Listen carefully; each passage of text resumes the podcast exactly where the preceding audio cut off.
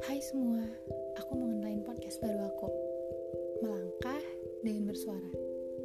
Podcast yang baru aku buat pertanggal 8 September 2020 Di saat titik terendah aku sekarang, aku berusaha bangkit dengan melangkah. I've been through a lot. Mulai dari belajar, bekerja, sampai mencoba peluang berbisnis.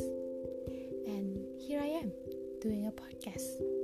Bersuara. Take this action dengan anggapan aku lagi melangkah.